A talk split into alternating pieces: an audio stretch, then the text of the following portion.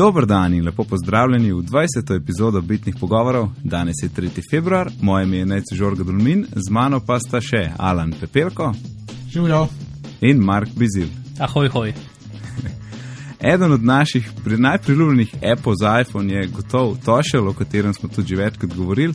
In danes imamo v gosteh soustanovitelja Tošla, Matica Bitenca. Živijo, Uh, hvala, da si prišel, Matic. ni za kaj, z veseljem. Super.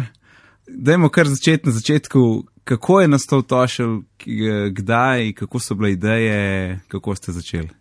Aha, no, v bistvu Tošel je spin-off podjetja 3FS in mi smo skupaj začeli delati v tem podjetju in tudi razvijali spletne in mobilne aplikacije.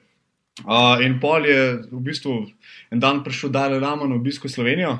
Uh, in, in smo pač bili navdušeni nad tem nad nematerializmom, ampak smo prišli do zaključka, v bistvu, da zato, da si nematerialističen, rabiš v bistvu fulejnih začetnih sredstev in da bi lahko malo denarja prišparal, da bi, da bi do tja prišli.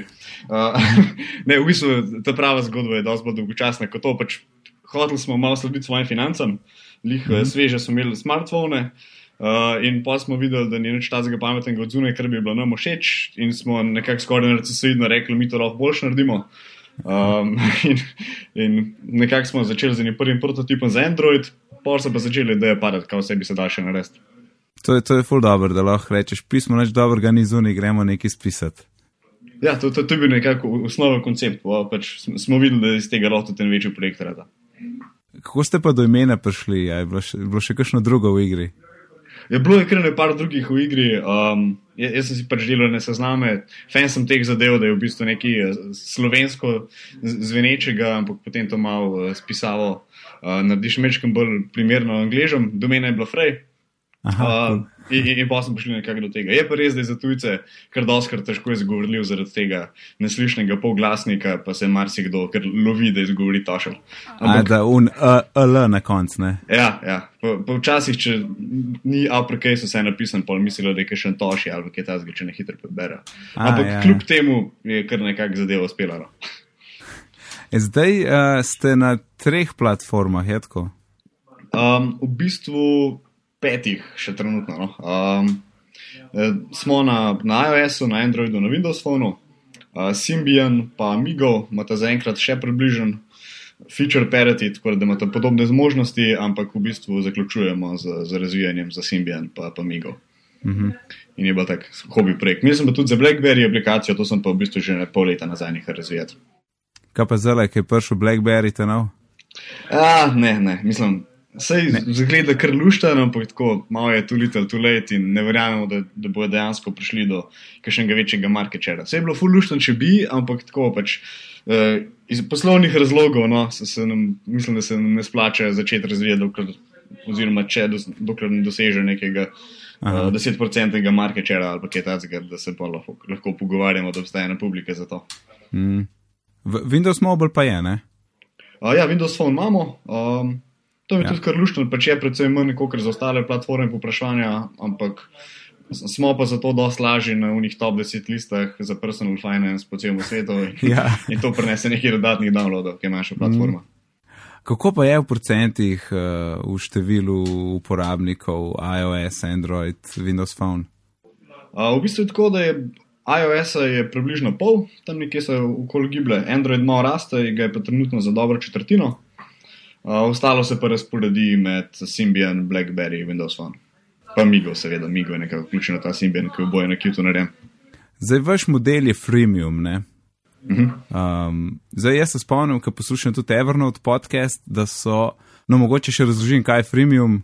Um, torej, gre za to, da imaš čist delujočo aplikacijo ali pa neko storitev, ki pač deluje do neke mere, če pa hočeš kaj več, moš pa za to plačati. Ne? In uh, prva je tako, da imate na splet, da v bistvu aplikacije so zaston, ampak potem analiza teh podatkov na spletni strani je bolj napredna analiza, je pa plačljiva. ne. Uh, in pri Evernote so, vem, da so rekli, da če dalj časa je uporabnik, uh, pač uporabnik Evernote, večje šanse so, da postane premium uporabnik. A je kaj podobnega tudi pri vas? Uh, ja, pri nam drži nekaj podobnega. V bistvu, če, te, če te uporabniki ustvarijo to navado, da začnejo redno pisati te stroške, uh, pol je kar precejšna varianta, da bo precejšna šansa, da bodo postali prvi uporabniki. In tudi med tistimi, ki pol postanejo prvi uporabniki, imamo precej fajn ta retention rate. Uh, tako mhm. da tudi v glavnem, kar ostanejo. Je pa kar nekaj teh povezav z, z Evernotom. Uh, imamo precej podoben model, uh, tako da se tudi enkrat so ustanovitelji pri njih oglasili, ker sem bil v Mountain View uh, in nam zelo pomagajo, recimo, z našim urodjem za, za prevajanje, uh, ker imamo crowdsourcing translation, tako da smo kar to uporabili, Evernotovo verzijo putla. O, to, kaj je to pol? Phil Libin, pri njemu ste bili? Uh, ne, pri uh, direktorju marketinga, mislim, da je Aleksandr Aleksej uh, nekaj takega. Ja, ne morem se spomniti. Ja, on, on vod podcast njihov. Ja. Aha, kul, cool. nisem sploh vedel. Ja, oni imajo tako enkrat na en mesec do štiri mesece. Aha, da smo redno pa. Uh, koliko odstotkov uporabnikov pa potem imate na premium, če ni skrivnost? Uh, Rajš ne bi v točnih cifrah. No. Uh, so neki, neki te klasični premium procenti. No. Uh, ampak ja, okay. raj ne bi šel preveč v detajle. V redu, sem vprašati ni greh. Uh, mene ful zanima, ne vem, ta, kako bi rekel, aplikacija ima ful dobro osebnost. No? Tako z grafiko, z ikonco, z vsem skupaj. Je bilo to že v začetku mišljeno ali kako, kako je to nastalo? Um, ja, smo v bistvu sledimo temu nekemu načelu, da da aplikacija mora tudi nekako čustveno vplivati na človeka, da ne sebi biti samo ta totalno commoditized tehnologija, ker vse zgleda enako drugemu, uh, ampak probujemo pač nekaj več osebnosti, da tam je aplikacija. Uh, tako da je bil že od začetka ta koncept, imamo tudi uh, odličnega ilustratorja v ekipi Janeza, ki dela vse te ilustracije, pa to še monsterje. Uh, pol neki prispeva tudi še valjda teksti in ta kopij, ene par teh štosov, ki jih damo noter. Uh, in to v bistvu odlično pomaga pri uporabnikih in tudi nekako diferencira aplikacijo, pa še prijetno je uporabljati. Tako da tudi iz tega je pol ta izšel naš, naš tak slogan, uh, that we're trying to make finance fun. Uh, in nekako na bolj lahkoten način to predstaviti. Zaradi tega, ker z zasebnimi financami se folk večinoma noče ukvarjati, ker se večini za to zdi, pa čakaj, zdaj sem pa ukvarjal z nekimi Excel razpredelnicami, pa dolgce, da bo pa kadar statistiko poslušal na faksu. Um, če pa v bistvu to zaspinaš na nek malo bolj zabaven način, pa se ljudje dosta raje s tem ukvarjajo. Tako da to, to, to nekako že, že od začetka bil koncept in v bistvu gradimo na tem, da bi naredili zadevo še z več osebnosti, pa še bolj na zabavno stran, kot je trenutno. Mm. Tisti, tiste sporočila med eh, sinhronizacijo so bila ful simpatična. uh, ja, so se kar dobro prijeli, ampak dobimo počasi od sicer eh, precejšnje manjšine, ampak dobimo tudi pritožbe včasih na njih, da so ali, ali preveč provokativni, um, pritožujejo se, se kakšne mame ali pa verski fanatiki, da preveč gledajo v nemožici, kot demoni. Uh, pa da enkrat namigujemo mehke spolne igračke, čeprav ne tako dobesedno, in se ena mama pritožala, da to pa njeni otroci ne morejo uporabljati aplikacije ali nekaj v tem stilu. Evo, jaz smo pa eno uporabniško vprašanje, a je, gledamo, obstaja nastavitev za, torej na iOS, da takoj, ker se odpre, da lahko upišem, da mi ni treba plusa stisniti. Ne, na iOS-u ni, imamo, imamo pa to tudi. V bistvu na ostalih platformah imamo rešenje z raznimi widgeti in podobnimi zadevami. Na Androidu, na Androidu obstajata dva widgeta, na Windows Phone imamo pa lifestyle, uh, ki imajo tudi take mini grafike noter, pa to eden od njih je pa Ad Expense. Tako da bomo v bistvu na iPhonu zdaj posebej dodali nastavitve možnost. Uh -huh. um, da on launch, uh, yeah, ja. Ad, ad Expense. Ampak zelo pazimo, kaj damo not, uh, zato ker pač nočemo narediti preveč ogromnih nastavitev, kjer lahko pač tri dni raviš, da skozi prideš. Mm. Good defaults so nekako, po moje, dobro vodilo tukaj. Um, ja, za ta on-launch bi pa tudi marsikdo raje videl, kaj drugega, ki se odpre, tako da je, je fajn, da je customizable zadeva v tem primeru. Mm -hmm. uh, nam lahko razkriješ kaj o kakšnih prihodnih načrtih, mogoče kakšne ideje ali če mogoče razmišljate več funkcij, mislim, uh, ne tehničnih funkcij, ampak čisto teh zabeleženje financ, recimo več računov, prenašanje sredstev z enega na drugega in podobno. Ja, absolutno. Ra ra ravno te računi, ki jih omenjaš, so trenutno najbolj zaželen feature, tudi ko odgovarjamo na support, pa je da je uporabljeno. Ja, jaz to ful želim.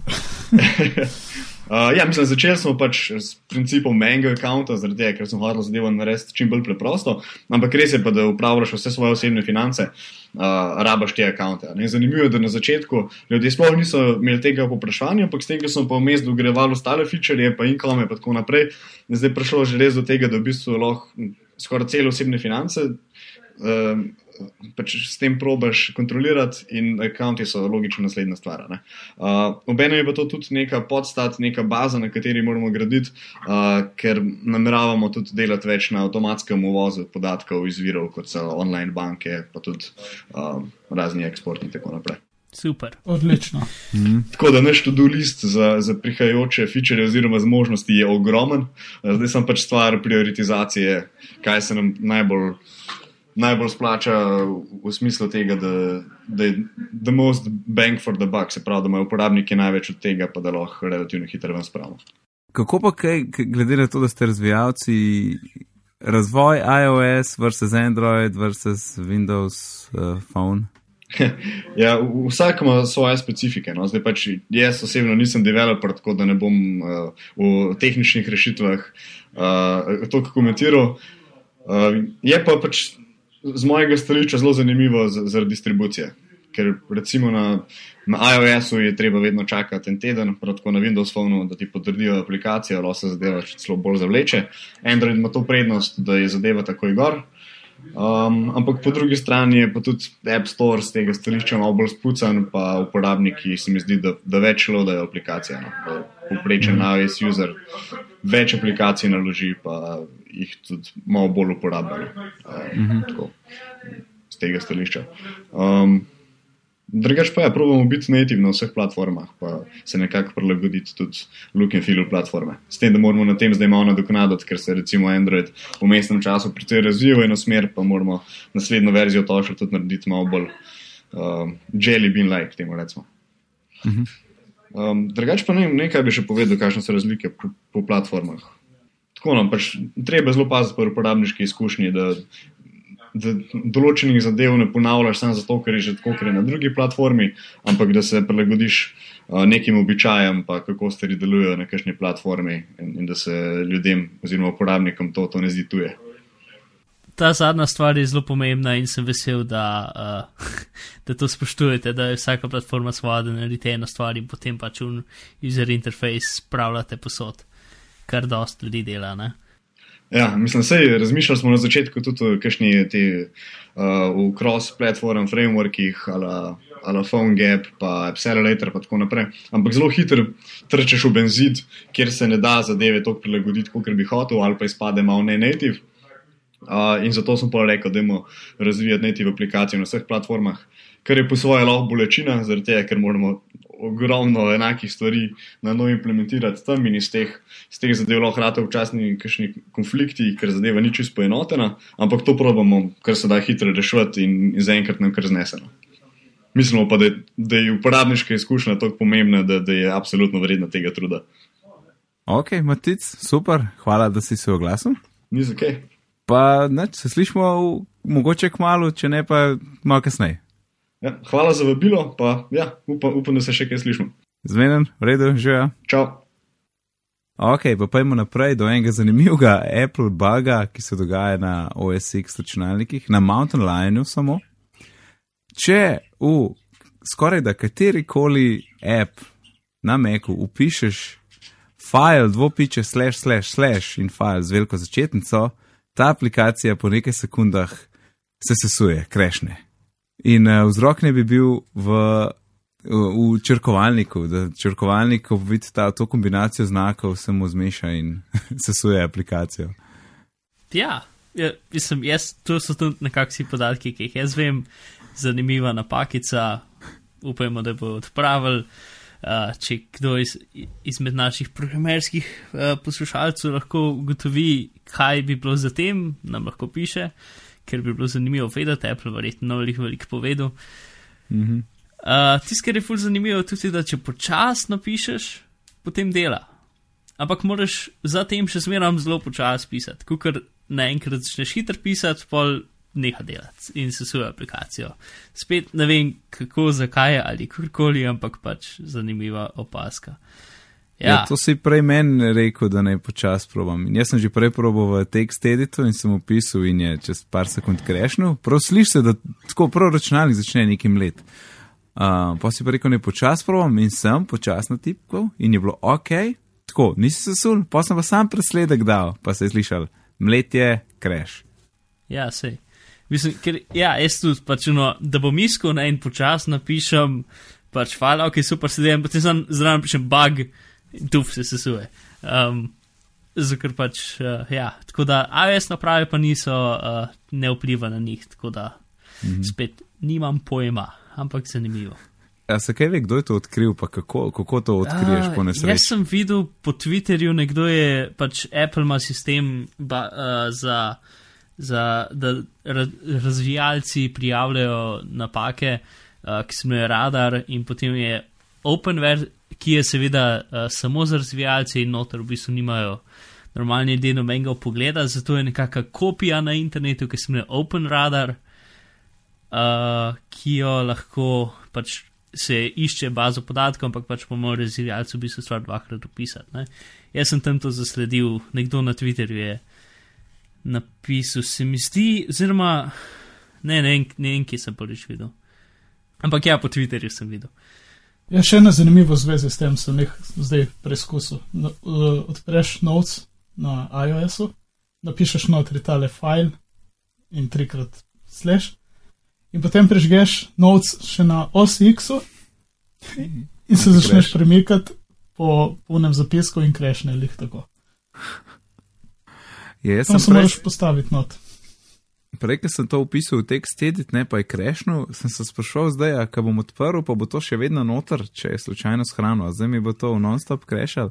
Ampak zgleda, da ni, ni, bil, ni bil v tistem stanju, da bi shranil tisto verzijo, ki je bila na zadnji. Tako da tega teksta pol ni bilo not, ampak to, kar si pa ti naredil, je pa zoprno. To, pa, to je skos not, ne, to je v iCloudu zdaj.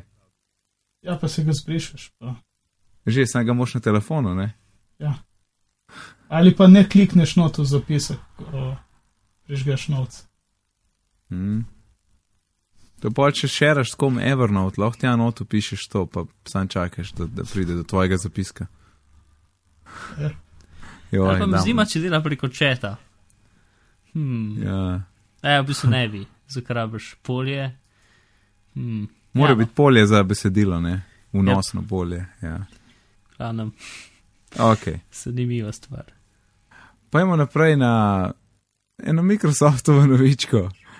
O tem, da če si kupec MS Surface Pro verzije, ki ima 64 GB prostora, prideš domov, pa odpreš, pa prežgeš in vidiš, da imaš samo 23 GB prostora. Zato, ker v njih uh, približno 40 GB, ki ostane, zasedajo Windowsi, pa Office, pa še kakšna stvar. Printerji za driverje. Je pa, Ja, ja, driverji za printerje. Ja, no, meni se to ne zdi kul. Cool, Sploh, če si predstavljaš nekoga, ki pričakuje, da bo kupil računalnik, ki ima 64 GB prostora, ne? ker to ima v imenu. Potem pa gotoviš, da je trikrat manj. Ja, se ima, sem je zaseden. Ja, pa, a, pa lahko zbrišeš pol office, pa vse tisto. Verjetno glik driverje A. ne moreš iti brisati, ne? Lahko v bistvu, ne vem, no, moje izkušnje s temi zadevami so, zato ker sem rabil uh, nujno Windows za eno stvar in ker imam pač isto 128 GB prostora na mojem MacBook Airu, uh, sem hotel čim manjše Windows, da jih bi dal v virtualno mašino. Ne? In pol sem -hmm. malo pobrskal okoli in se najdu uh, tako XP-je, ki so veliki 250 mega. Zato, ker, imajo, po- ker so imeli pobrisane ven čiste driverje, ono, odvečne driverje za modeme iz 90-ih, uh, printerje, une, neke knjižnice vsega mogočega. In pa če zmeraj so funkcionirali, programi so noter delali super in so bili veliki 260 mega. Mm, Tako da očitno se da, ne? ja. Pa res, če driverji to vzamejo, mislim, se imajo oblak, ne? se bi lahko na zahtevo potegnil, kar rabiš. Ja. Mislim, en kup je te opreme, ki jo pred, verjetno vklopiš, preden imaš internet. Ali pa, mislim, možno, da je full tega neka stara tehnologija, ki jo niso nikoli vendal. Uh, ker pač vem, XP imajo recimo ne vem koliko pač driverjev za modeme. Torej, če se spomnim včasih, ki si vštekel Ja. kabel za telefon v računalnik, ne, une driverje imajo. Tako stotine in stotine driverjev za razno razne modele, zato ker pač, če nimaš interneta, težko downloadaš driverje, ne. Res je. Ampak ja, tu je dokaj. Mislim, pač, a kje na produktu piše, da je samo 23 GB uporabnega prostora v, na spletni strani ali pa v kakšnih, ne vem, specifikacijah. Ja, kakšne specifikacije zihar, ne vem pa, če je na škatli. Ne? Ja, na škatli. Samo, mislim, zdaj so 23 GB. Ja, ne vem, ampak je dokaj, dokaj, ne vem.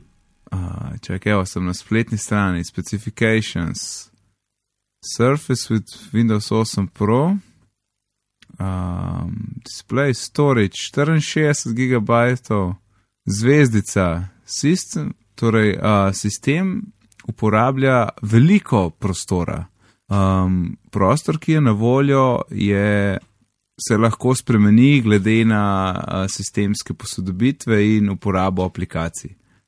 Torej, Ja, pri štir- pri- ja, pri 64 GB ima to zvezdico zraven, pri 128 ne. Ampak, Aha. a veš, ne povejo ti pa koliko, ne. Sam pač, Ja, ja, da to malo varira. Ja, če, če downloadaš stvari na računalnik, imaš potem manj placa. Zanimivo. To je pa nekaj novega. Uh, se, v bistvu za me večja novica je to, da ker sploh nisem vedel do zdaj, da je, da je Surface Pro sploh izšel. Uh, Surface Pro da- je šel, Mark. hvala. Dobro, to je Surface Pro, zdaj pa nekaj bolj zabavnega. OmniFocus 2 za Meka. Yep. Mislim, uh, hitro ustavite svoje App Store ali pa spletne strani ali pa karkoli, ni dejansko ven išel samo uh, slike produkta, kako bo izgledal, ko bo išel enkrat v prihodnosti. Um, so bile objavljene, pa malo so napisali, ker so imeli pač zdaj Macworld, uh, pa so imeli nek uh, event, tako da možno, da tudi video tizga objavljen. Ampak v glavnem stvar je poenostavljena, zgleda tako malo bolj moderno, ker OmniFocus ima zdaj že tako zelo ne in 2008 občutek, uh, mm -hmm. kar se tiče ikonc, pa zgornje vrstice in tako naprej.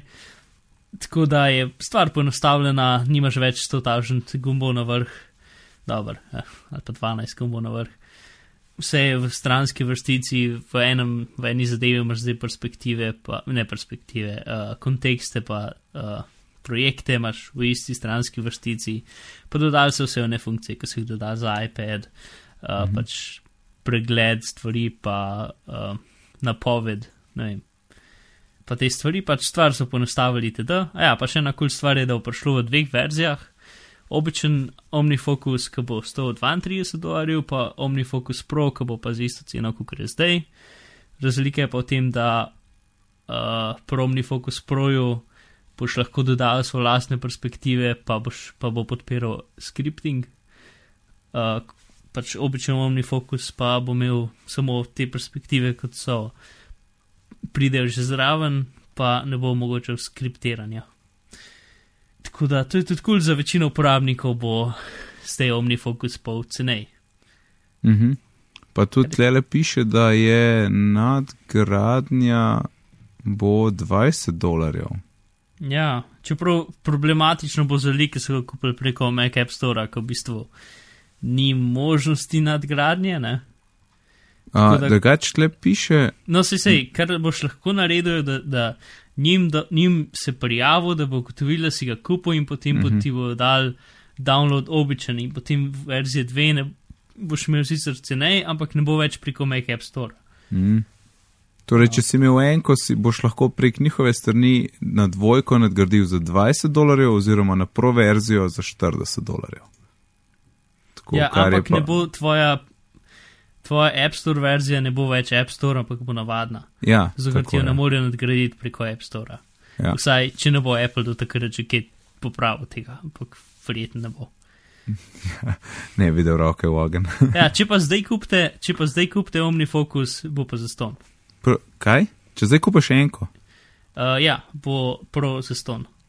Aha, imaš potem prav zaston. Yep. Cool. Mm, Veselim se tega, ker tale pogled mi res všeč, tudi navajen sem ga iz iPada. Um, in je, ja, tak, modernejši, ker un, un je res gleda tako že malo staromodno. ja, se, mislim, meni je najljubša funkcija mi je napoved, ki bi bil kar nek simpel koledarček. Mhm. Uh, tiste res fajn. Ja, lepo ti po- pokaže preglede pl- um, torej, eh, opravil v kontekstu s časom. Mm.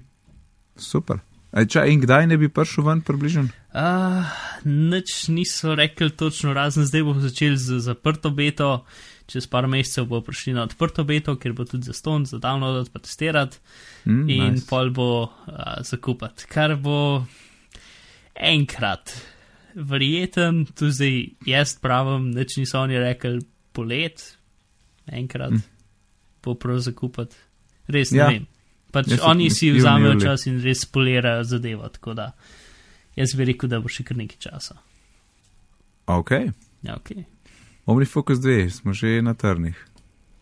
Uh, zdaj imaš pa ti, Mark, še neko, nek, nek varnostni spodlet tega tedna.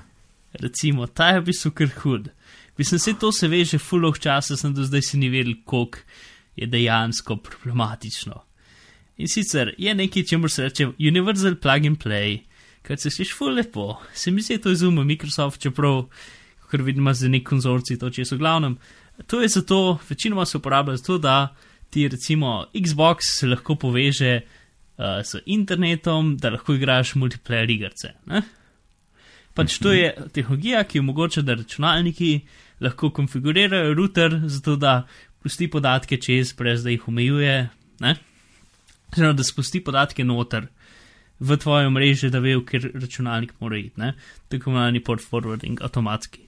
Uh, to, to uporablja en kup programov, recimo Torrent Skype, vse mogoče, uh, da pač to funkcionira, ampak stvar je dokaj problematična v smislu, da je to zelo, zelo slabo napisana zadeva in da vsi routerji, no, v bistvu zelo velik routerjev, uh, to implementira zelo slabo. In sicer stvar je namenjena, da deluje notri, znotraj omrežja, ne? Mhm. Logično. Torej, tvoj, recimo, ti prižgeš Skype, Skype konfigurira router, da čez ta port spusti podatke noter, brez da jih omejuje ali karkoli naredi, da Skype dela lepo. Ne? In problem je, da dost routerjev uh, upošteva tudi pač ukaze iz zunanjosti, torej iz interneta, kar je slabo. Ja. In zdaj pač noben ni točno vedel, to, dokler ni ena pač skupina, uh, firma, recimo temu, za pač testiranje varnosti, ki se imenuje Rapid 7, so dokaj znani, uh, delajo Metasploit, ki je dokaj znan framework za uh, testiranje varnosti. Oni so pač na nek način, ki mi ni čist jasen, skenirali cel internet. Uh, in sicer v PNP ti mu pošlješ en paket, ki se imenuje Discovery paket, in potem ti on odgovori nazaj, ka, kaj, pač kakšno, je, kakšno je tvoje mrežje. Ne? Mhm. To je v bistvu zato, da se najdejo igralci med sabo lahko pravzaprav, ne? Ne, v bistvu, ne, to je Ne? tvoj računalnik pošlje ta Discovery paket na mreži in potem router mu odgovori nazaj, jaz sem tukaj, kaj hočeš spremeniti. Ne? Aha, čist To je- lokalno zdaj to. Ja, ja, to je, to je lokalno. Ne? Mhm. Pač to je računalnik, ne ve, koliko routerjev je na omrežju itd. Uh, no, tako da oni so verjetno preko en, en, z enim velikim kupom serverjev, več ali manj, mislim, so vse IP-je v IPv4 omrežju pingali s temi paketi, tako v roku parih mesecev. Uh, in so gotovili, da 81 milijonov routerjev je odprtih na internet brez kjerkoli, zato ker UPNP nima nobene varnosti implementirane. Ker povem, da lahko kdorkoli na internetu teh 81 milijonov routerjev uh, pač pinga, pa mu povejo vse podatke o, o mreži, kateri, na kateri je povezan, in potem lahko temu routerju rečeš, ok, zdaj pa red direktno povezal do tega kompa. Uh, Uh, to pa ni dobro. Yep. To je 2,2% interneta, ali tako. In torej, edini način, da to stvar uh, rešiš, je tako, da A, greš v router, pa izklopiš UPNP. Zato, ker noben router nima, nima sploh možnosti, da bi bilo to, nima funkcije odprito za internet. Zato, ker to je čist napaka v implementaciji. Ne? In zdaj problem je to, da na dost routerjih, če ti izklopiš ta pač Universal Plug and Play, je tišče zmeraj pržgano, zato ker je to napaka. Ne? In tudi Verjetno nobena firma tega no updatela po pravici povedano, zato jih ne briga tako zelo. Tako da, če imaš tak router, ga lahko probaš updatati, ampak bolj je treba novega kupiti. Mhm. Uh, ker pač firme, ki delajo routerji, so zelo glasne s tem, da nikoli več ne updatejo. Ker tudi njihovi pač te implementacije, no, na novih routerjih so implementacije uh, tega UPNP-ja iz leta 2001. Ne? Pač oni ne, ne, najnovejše. Vse je Ja. bagje, mislim, pač v šovnovcih bo link do tega njihovega reporta, ki prva stran je full simple, je neka infografika, bla bla bla, in potem gre skozi bolj komplicirano, pol so, če koga zanima, koščki kode itd., kako grozen, grozen narobe je to vse skup narejeno. Zato, ker Intel je imel neko knjižnico, ki so v bistvu rekli, tu je referenčna knjižnica, tukaj lahko vidite približno, kako to funkcionira, ampak ne tega uporabljati, zato, je pač uno, tako da je čim bolj pregledno. Ne? In pa so pač izdelovalci več ali manj to vzeli in dali v svoje routerje. Uh, tako da je zelo obupno. Ampak to se je vedel že dolg cajt, ne sem noben je vedel, koliko je to dejansko obsežno. Uh, tako da zdaj pa oni so, imajo neko svoje orodje za testiranje, če je slučajno tvoj router uh, občutljiv na to, mhm. ampak je za nič. Uh, je narejeno v javi in ne dela, več ali manj. Aha. Mislim, dobesedno ne dela. Uh, večino ljudem pa plus flukcata, dokler ga niso pred kratkim updatali, ga je, so ga Windowsi priznali kot virus. itd. Prosim, ne tega uporabljati. Tako da je nekdo drug uh, naredil celo online orodje za testiranje. Uh, spet na strani grc.com, Gibson Research Corporation, kar je en izmed boljših raziskovalcev varnosti. Pač in ima nek svoj uh, spletno stvar, ki se imenuje Shield Zap, ki pač testira routerje za odprte porte itd. In pač eno je zdaj dodal pred enim dnevom, mislim, ta cena novica je tako tri dni stara. V glavnem, oziroma, ko bo to ven išlo mal več.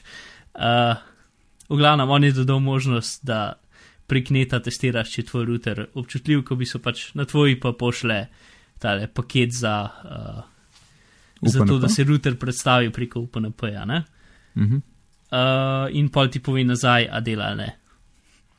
In če dela, če, če je tvoj router uh, dosegljiv preko neta, pol pač A, probite ga, da mislim, prva stvar, probite iti v, v nastavitev pa izklopiti, druga stvar, probite update, tretja stvar, kupite nov router. Uh, zato ker pač, mislim, sej tukaj je spet kdo bi karkoli s tem delu, ampak to je zdaj problem, ker za razliko od drugih stvari, ker nekdo mora biti fizično zdraven tebe, da lahko odreja tvoj router po tvojem mrežje, to stvar lahko kdorkoli prek neta naredi, kjerkoli na svetu. Ne? Mhm. Uh, in tudi verjetno bojo neki virusi, ki bo pač, avto, mislim, bo prej se bo nek virus, ko pač avtomatsko šel na, ker pač preko tega ima dostop do mrežja in potem lahko konfigurira router, da preprosto spusti direkt do tvojega računalnika. Ne? Karkoli. Kar je dokaj strašljivo. Uh, ok, to je Prav- nekako to. Pravkar sem našel končno preseb, da mami najblan itak, to je že verjetno že bilo od začetka. In je pa zelo čudno, to, to sem najdel pod administration. Jaz mislim, da Aha. je to pod security. Ne, ne, mislim, se ta stvar je full dobra, ne, načeloma pač ta stvar ti omogoča, da če imaš, ne vem, PlayStation, da lahko igraš igrice. To pač je, to je ena izmed tunih stvari, ki je pač uh, preprostost, z, ko bi rekel, manjša varnost, tudi je boljša preprostost. Ne? Pač Ja. ta stvar ti naredi, da če imaš prej, mislim, drugač, pač bi mogel se pisati v router, pa naštima port forwarding. Uh, če imaš pa to vključen, pa ti pa računalnik ali pa PlayStation ali pa PSP ali pa, kar, mislim, ali pa Xbox to sam naredi, ne? ali pa, root, ali pa Skype ali pa Torrent ali pa karkoli. Mhm. Um, to sam naredi v routerju. Ne? Sam pač zato, da to dela avtomatsko, pač to dela avtomatsko tudi za ljudi prek neta. ne. Uh, ja, tako da, a boste v živo testirala svoje, svoj, svoje routerje? Ne, jaz ne, da gaš mi bo zelo povezava padla. Ne, ne bo ti padla. A ne bo? Ne, ne, ne, sem. Klikam tja na test, pa tam pet prosid, pa pol imaš, se boš najdu. Ne, a ja, test misliš, ne, sem mislil nastavitve na routerju. Ne, ja. Ok, ok, test, no, test itak vem, da bo pozitiven, če imam vklopljen. Ne, ne, ne, ne. ni, če imaš vklopljen, pa je vse v redu, potem je dosegljiv samo znotraj omrežja in vse kul. Cool. Problem A, je, če če imaš enega mojega izmed več kot 300 različnih routerjev, modelov routerjev, ki je narobe naštiman in pokvarjen in to dela zunaj interneta. Ne? Mhm. Aha, čakaj, Uh, check, tako click da, ja, check. pač ta stran GRC je, to je nekdo, ki je um, programer in ima tako svojo lastno idejo kak, uh, dizajna, ki je mogoče ostala v letu 95, ampak njegova stran je zelo pregledna in uh, zelo na dolgo in široko razloži vse na tukaj enostaven način. Mhm. Uh, sicer vse v angleščini, ampak še smeram. Je velik A- tekst. Evo, dobre novice. Did not respond to our UPnP probes. Good news, tudi meni ne. Okay. Jej. Hej, vse je v redu. Tako, trije smo v redu. Zdaj Yep. pa še ostali. No, sej, recimo, en izmed routerjev, ki ima to napako, se mi zdi, uh, oziroma, če se prav spomnim, ampak se mi zdi, da je, je tisto, ki je najbolj znan, BG, kaj je 56, Linksys, ajšun model router, ki ga imajo skoraj vsi. Tega imam jaz. Tega imaš ti? Ja, ampak jaz imam, mogoče ne vem, jaz imam še en model, ki bo malo dražji, ki podpira neke, neke njihove hitre mrežne kartice. Sej, Aha, ti- čist vem, brez, si- čist, čist brez veje sem ga vzel, kaj itek nisem nikoli uporabil, ampak uh, mm. to je ta, pa mislim, da imam, no ne vem, če imam zadnjo verzijo, sem pa ga pa kar nekajkrat že upgradil. No. No, sej, čisto tudi to stvar, pač ker je to uno, to je res napaka v driverjih. Ne? Tako mm -hmm. da upajmo, da se z updateom so oni ugotovili, da se to dogaja in so rešili, ampak kdo update svoje routerje. Ne? Tako da prosim, update svo, updatejte svoje routerje. Če ne znate update svojega routerja, vprašajte sosedovega mulca. Uh, mislim, se dokaj scary, saj vsak router ima ponavadi navodila, ampak so taka butasta, pa moraš en file downloadati, pa ga ne, sugar, nekako Ja, dobiti ne, do ampak, routerja, ponavadi so dokaj čudna navodila. Ja, ampak običajno je dosti preprosto. No. Ja, pa Ni. možnost imaš, da, da uničiš router, ki ga updateš. Ja. Šur, to pa vedno. takrat, takrat vedno prosiš elektri, e- elektroljubljana, da na štrom ven metal, takrat, kaj updateš. Yep. Ok, no, ja, no, to je to. Tako da, update your software or something. Firmware. Pojmo naprej na priporočila.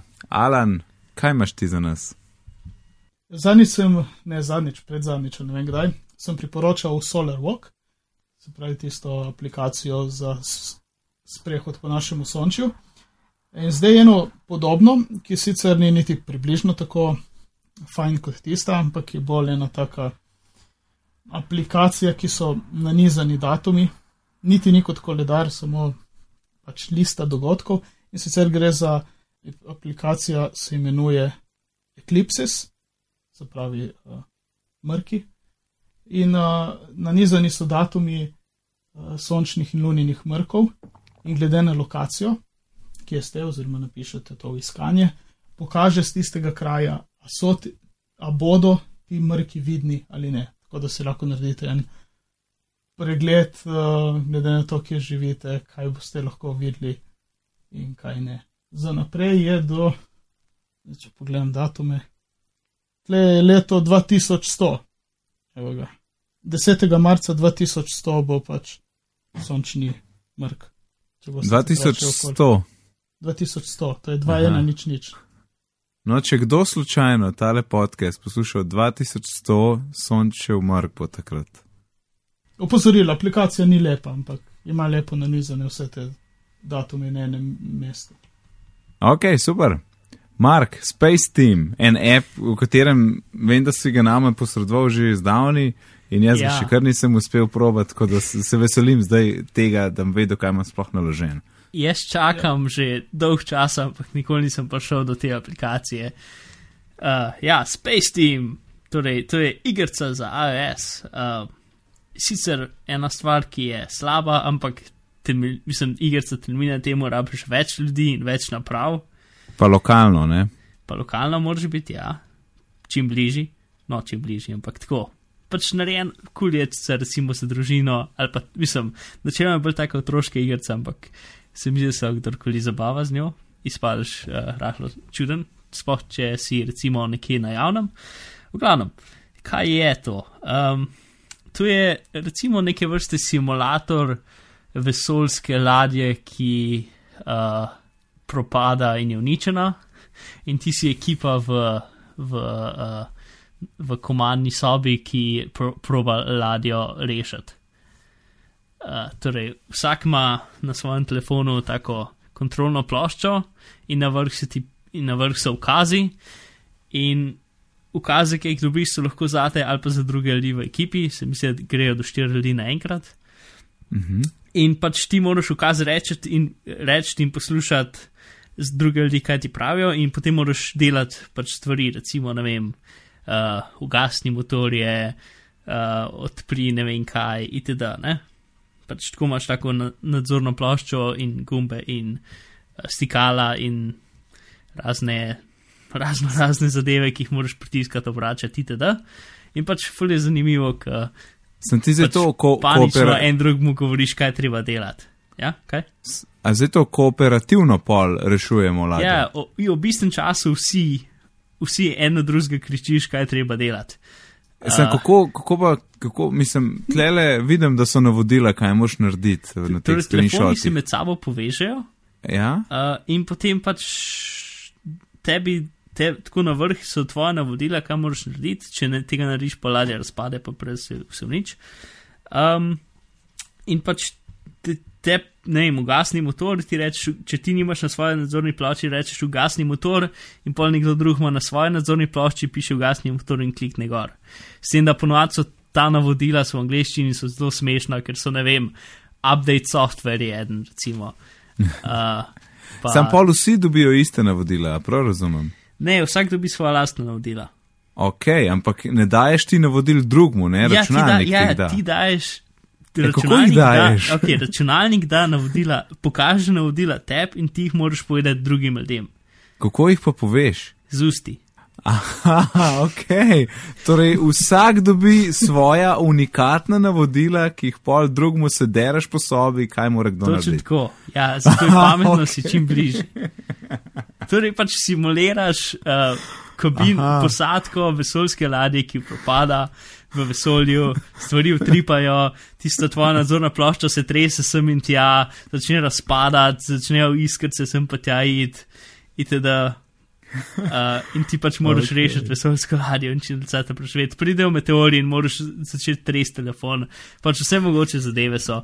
Igrice je za ston, da se je freemium isto, pač da se da kupiti razne nove nadzorne plošče, nove stričke itd.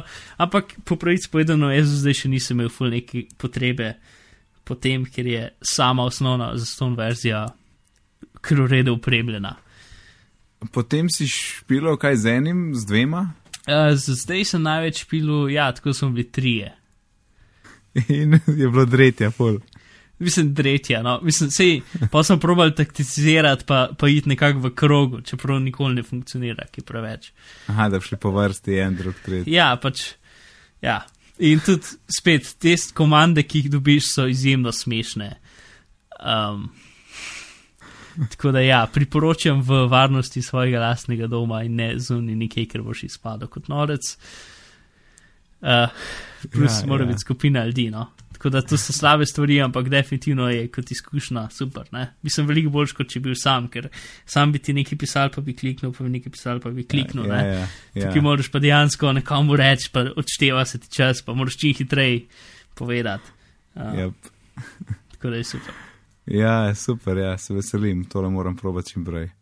Evo, jaz imam pa samo eno, eno mini posodobitev. Prejšnjič smo, ko smo šli čez aplikacije za dokumentiranje življenja, omenili aplikacijo Pair, ki jo je Luka priporočil, ki, kjer gre za družbeno omrežje samo pač dveh, ne gre za en fant punca, možena, taka kombinacija, kjer imate izmenjujete sporočila, imate koledar skupen, tuduje pa tako. Uh, in ravno včeraj, ali par dni nazaj, je aplikacija dobila posodobitev in se ne, in ne imenuje več Pair, ampak Couple. Tako da iščite v App Store to pod Couple. In v glavnem priporočam, so probala in skozi uporabljala, sploh ne greva več na iMessage, ker to uporabljava. In uh, lušna stvar. Zdaj pa moje glavno priporočilo je pa ena finta, a pa neka rešitev, uh, kako iz še vedno dobro izkoristiti Apple TV prve generacije. Za Apple TV prve generacije je že kar nekaj let star in je počasen, um, in pravzaprav ga ne uporabljam kot Apple TV za gledanje filmov ali pa serij, tako zelo redko, včasih je še YouTube. Um, je pa zelo fajn, ker je ta Apple TV lahko kot tvoj hub za zvočnike, torej za AirPlay, oziroma včasih se je imenovalo to AirTunes. Torej, to pomeni, da jaz lahko iz iTunes na računalnik kliknem eno glasbo, predvajam eno glasbo in potem zberem, naj se ta glasba predvaja hkrati tudi na Apple TV v dnevni sobi, recimo. In pol glasba špila hkrati tako na računalniku, kot potem na Apple TV v dnevni. In to prav sinhrono in je prav dobro, hodiš iz ene sobe v drugo in ista glasba. In uh, spoh, če poslušaš podcast, je to fajn, lahko hodiš vse naokrog in ne svališ nič. Zdaj to je zelo fajn rešitev, zato ker Apple TV prve generacije, kot sem rekel, je že star in pač švoh naprava, ni glih za uporabljati, no, zelo velik. In ga lahko zelo poceni dobiš, ne. Enega sem dobil takrat že zelo zgodaj, sicer za 100 evrov, pol kasneje, pa ker so ljudje začeli prodajati, pa kupovati nove, ne, pa tudi mislim, da enega za 35. In v bistvu je težko dobiti karkoli drugega, da bi preklopil gor uh, na svoje zvočnike, ki bi ti omogočili AirPlay oziroma AirTunes. Tako da uh, varianta je pač, kupaš star Apple TV in ga preklopiš, tako da mi da imamo enega v dnevni, enega v kuhni in poimenoval sem jih isto tako, uno dnevni se imenuje dnevna, uno kuhni se imenuje kuhna in na računalniku kliknem play in zberem, kje naj se to predvaja. Moraš biti pa zelo pazljiv, če pozabiš to vklopljen in potem ob šestih zjutraj daš play in začne nabijati v kuhinji in zbudiš ženo. To je pa full minus, tako da to moraš biti pozoren. Um, je pa še ena stvar, ne, to je zdaj, ker Apple TV, torej to je podpira AirTunes, ne, torej ta stara generacija, to ni AirPlay. Torej jaz žal ne morem iz telefona klikati, naj se stvar, ki jo imam na telefonu, predvaja na, na, v kuhinji, recimo. Uh, vendar pa obstaja pač nek, neka rešitev, uh, ker tako tako imaš na voljo aplikacijo Remote, ki je od Apple, s katero lahko kontroliraš iTunes na računalniku ali pa Apple TV v neki sobi. In potem z, z tem remotom se jaz s telefonom povežem na računalnik, kjer rečem, predvajaj to glasbo v tem pa tem prostoru in potem to začneš pilati po stanovanju. Uh, tudi, tako da tudi, če ni ta prav AirPlay, imaš še vedno možnost, da ti pač neko glasbo zaženeš ali pa podcast direkt z telefona. Evo, in to je taka full praktična rešitev, gotovo ljudje imajo Apple TV doma in jim leži, tako da če se malo pozanima, še kdo kaj prodaja, lahko zelo poceni dobiš in daš v drugo sobo in koristiš um, brežično glasbo. Je. Zapakiramo. Ja, pa dajmo. No, že, no, tudi prav. Hvala obema. Alan, kje te lahko najdemo? Zaenkrat še na Twitterju in mogoče se bom pojavil še na enem blogu, ampak to bom povedal, ko se pojavim. Zaenkrat Twitter, nek uh, Alan, Perko. Kul. Cool. Gospod Mark, kje pa lahko tebe najdemo? Mene pa lahko najdete na Bowhi, kjer prodajam moj stari iPhone. Uh, Kateri iPhone je to? iPhone 4. Okay. A bomo dali povezavo v šovno? Ne. Ne, ok. Pa zbauhajte Marka. ok, super, moje pa mi, ime je pa Nec in na Twitterju mi najdete pod oddelkom Nec.d. Povezave do vseh stvari, ki smo jih danes omenili, najdete na bitni.dolmin.si, smo na Twitterju kot bitni pogovori, e-mail pa je bitni pogovori afnagmail.com. Lepo se majte do naslednjič in lep pozdrav. Čau, čau. 和 deal